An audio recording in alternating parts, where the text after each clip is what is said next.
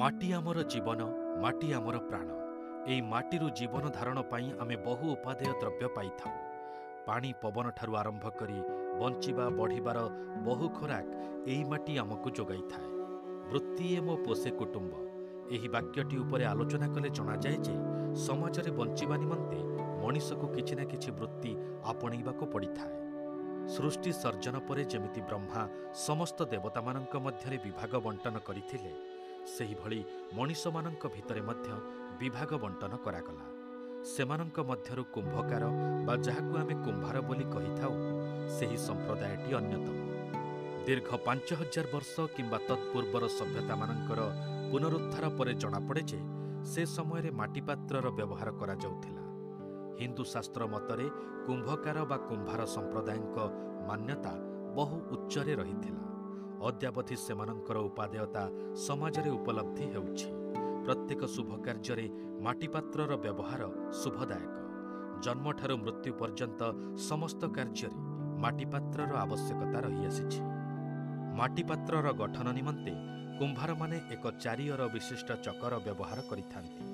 ବିଭିନ୍ନ ପ୍ରକାରର ଉପାଦେୟ ସାମଗ୍ରୀ ତିଆରି କରିବାର କୌଶଳ ଅତ୍ୟନ୍ତ ମନମୁଗ୍ଧକର। ଯୁଗ ବଦଳୁଛି, ସଂସ୍କୃତି ଓ ପରମ୍ପରା ବି ସେଇ ଧାରାରେ ବଦଳି ଚାଲିଛି। ବୃତ୍ତି ଓ ଜୀବିକାକୁ ମଧ୍ୟ ସମ୍ପ୍ରଦାୟ ଭୁଲି ଯାଉଛି। ବର୍ତ୍ତମାନ ଆଧୁନିକତାର କୁହୁଡ଼ି ପହଁରିବାରେ ଲାଗିପଡ଼ିଛନ୍ତି ଏମାନେ।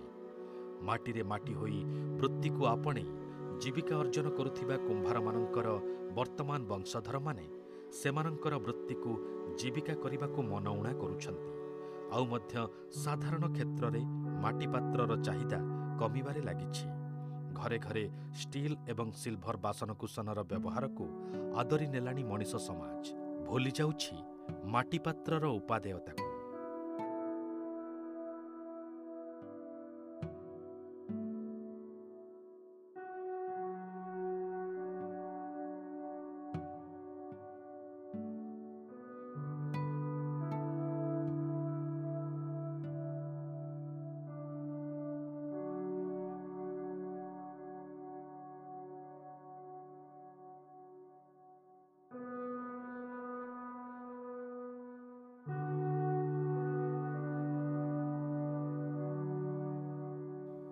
ଉଣେଇଶ ଶହ ଅଣଷଠି ମସିହାରେ ଚୀନ ଦେଶ ତିବ୍ବତ ଆକ୍ରମଣ କରି ଦଖଲ କରିବା ଫଳରେ ତିବ୍ବତର ଅନେକ ରାଜନୈତିକ ମୁଖ୍ୟ ବୌଦ୍ଧ ଧର୍ମଗୁରୁମାନଙ୍କ ସହ ପ୍ରାୟ ପଞ୍ଚାଅଶୀ ହଜାର ତିବ୍ବତୀୟ ଶରଣାର୍ଥୀ ଭାରତରେ ଆଶ୍ରୟ ନେବା ପାଇଁ ଆସି ପହଞ୍ଚିଥିଲେ।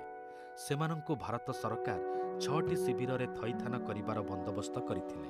ସେହି ଛଅଗୋଟି ଶରଣାର୍ଥୀ ଶିବିର ମଧ୍ୟରୁ ଗୋଟିଏ ଶିବିର ଓଡ଼ିଶାର ବ୍ରହ୍ମପୁର ସହରଠାରୁ ପ୍ରାୟ ଅଶୀ କିଲୋମିଟର ଦୂର ଜିରାଙ୍ଗଠାରେ ସ୍ଥାପନା କରାଯାଇଥିଲା, ଯାହା ମଧ୍ୟ ଚନ୍ଦ୍ରଗିରି ନାମରେ ବେଶ୍ ପରିଚିତ। ପ୍ରାକୃତିକ ସୌନ୍ଦର୍ଯ୍ୟରେ ପରିପୂର୍ଣ୍ଣ ଏହି ସ୍ଥାନଟିକୁ ତିବ୍ବତୀୟ ଶରଣାର୍ଥୀମାନେ ସୁଖ ଓ ପ୍ରାଚୁର୍ଯ୍ୟର ସ୍ଥାନ ଭାବେ ବିବେଚନା କରିଥାନ୍ତି। ଉଣେଇଶ ଶହ ଅଠାନବେ ମସିହାରେ ଜିରାଙ୍ଗଠାରେ ଏକ ବୌଦ୍ଧ ମହାବିହାର ନିର୍ମାଣ କରିବା ନିମନ୍ତେ ବୌଦ୍ଧ ଧର୍ମଗୁରୁ ଦଲାଇ ଲାମାଙ୍କୁ ସରକାରୀ ଭାବେ ଅନୁମତି ମିଳିଥିଲା। ପ୍ରାୟ ଆଠ କୋଟି ଟଙ୍କା ବ୍ୟୟରେ ଦୁଇ ହଜାର ତିନି ମସିହାରେ ଏହି ବୌଦ୍ଧ ମହାବିହାରଟିର ନିର୍ମାଣ କାର୍ଯ୍ୟ ଆରମ୍ଭ ହୋଇ ଦୁଇ ହଜାର ଆଠ ମସିହାରେ ଶେଷ ହୋଇଥିଲା। ଓଡ଼ିଶାର ଗଜପତି ଜିଲ୍ଲାର ଜିରାଙ୍ଗଠାରେ ଅବସ୍ଥିତ ଏହି ମହାବିହାର ରୂପରେଖ ରିପା ଶ୍ରେଣୀୟ ଢାଞ୍ଚାରେ ନିର୍ମିତ ହୋଇଛି, ଯାହା ପୂର୍ବ ଭାରତର ସର୍ବବୃହତ୍ ମହାବିହାର ଅଟେ। ବୌଦ୍ଧ ଆଚାର୍ଯ୍ୟ ରତ୍ନସିଂହ ଭବଙ୍କ ନାମରେ ନାମିତ ଏହି ରତ୍ନସମ୍ଭବ ବୌଦ୍ଧ ମହାବିହାରଟି ପ୍ରାୟ ଦଶ ଏକର ଜମି ଉପରେ ପରିବ୍ୟାପ୍ତ। ଏଠାରେ ବୁଦ୍ଧଙ୍କର ତେଇଶ ଫୁଟ ଉଚ୍ଚତା ମୂର୍ତ୍ତି ସହ ସତର ଫୁଟ ଉଚ୍ଚତାର ରତ୍ନସମ୍ଭବଙ୍କର ମୂର୍ତ୍ତି ମହାବିହାରର ଗର୍ଭଗୃହରେ ପୂଜା ପାଉଛନ୍ତି।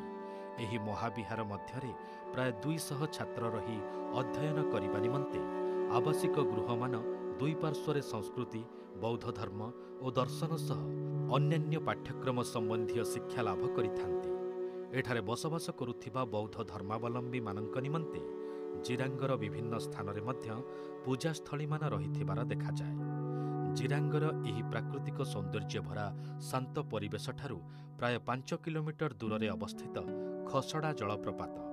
ଏହି ଜଳପ୍ରପାତଟିର ମନୋରମ ଦୃଶ୍ୟ ବେଶ୍ ଉପଭୋଗ୍ୟ।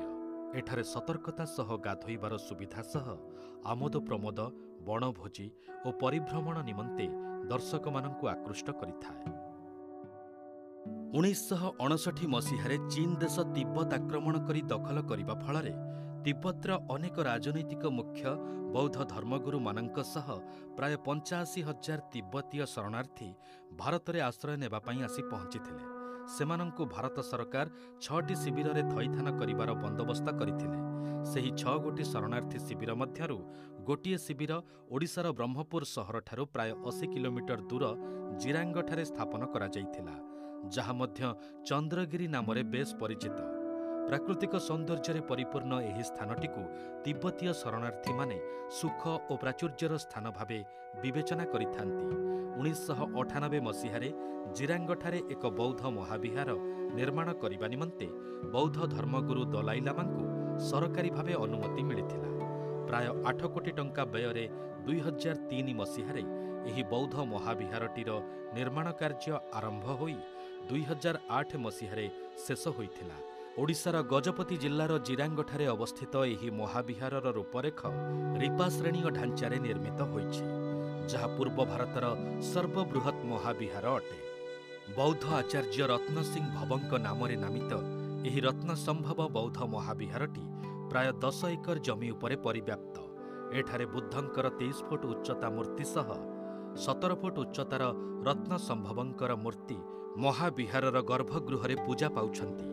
ଏହି ମହାବିହାର ମଧ୍ୟରେ ପ୍ରାୟ ଦୁଇଶହ ଛାତ୍ର ରହି ଅଧ୍ୟୟନ କରିବା ନିମନ୍ତେ ଆବାସିକ ଗୃହମାନ ଦୁଇ ପାର୍ଶ୍ୱରେ ସଂସ୍କୃତି, ବୌଦ୍ଧ ଧର୍ମ ଓ ଦର୍ଶନ ସହ ଅନ୍ୟାନ୍ୟ ପାଠ୍ୟକ୍ରମ ସମ୍ବନ୍ଧୀୟ ଶିକ୍ଷାଲାଭ କରିଥାନ୍ତି। ଏଠାରେ ବସବାସ କରୁଥିବା ବୌଦ୍ଧ ଧର୍ମାବଲମ୍ବୀମାନଙ୍କ ନିମନ୍ତେ ଜିରାଙ୍ଗର ବିଭିନ୍ନ ସ୍ଥାନରେ ମଧ୍ୟ ପୂଜାସ୍ଥଳୀମାନ ରହିଥିବାର ଦେଖାଯାଏ। ଜିରାଙ୍ଗର ଏହି ପ୍ରାକୃତିକ ସୌନ୍ଦର୍ଯ୍ୟଭରା ଶାନ୍ତ ପରିବେଶଠାରୁ ପ୍ରାୟ ପାଞ୍ଚ କିଲୋମିଟର ଦୂରରେ ଅବସ୍ଥିତ ଖସଡ଼ା ଜଳପ୍ରପାତ। ଏହି ଜଳପ୍ରପାତଟିର ମନୋରମ ଦୃଶ୍ୟ ବେଶ୍ ଉପଭୋଗ୍ୟ। ଏଠାରେ ସତର୍କତା ସହ ଗାଧୋଇବାର ସୁବିଧା ସହ ଆମୋଦ ପ୍ରମୋଦ, ବଣଭୋଜି ଓ ପରିଭ୍ରମଣ ନିମନ୍ତେ ଦର୍ଶକମାନଙ୍କୁ ଆକୃଷ୍ଟ କରିଥାଏ।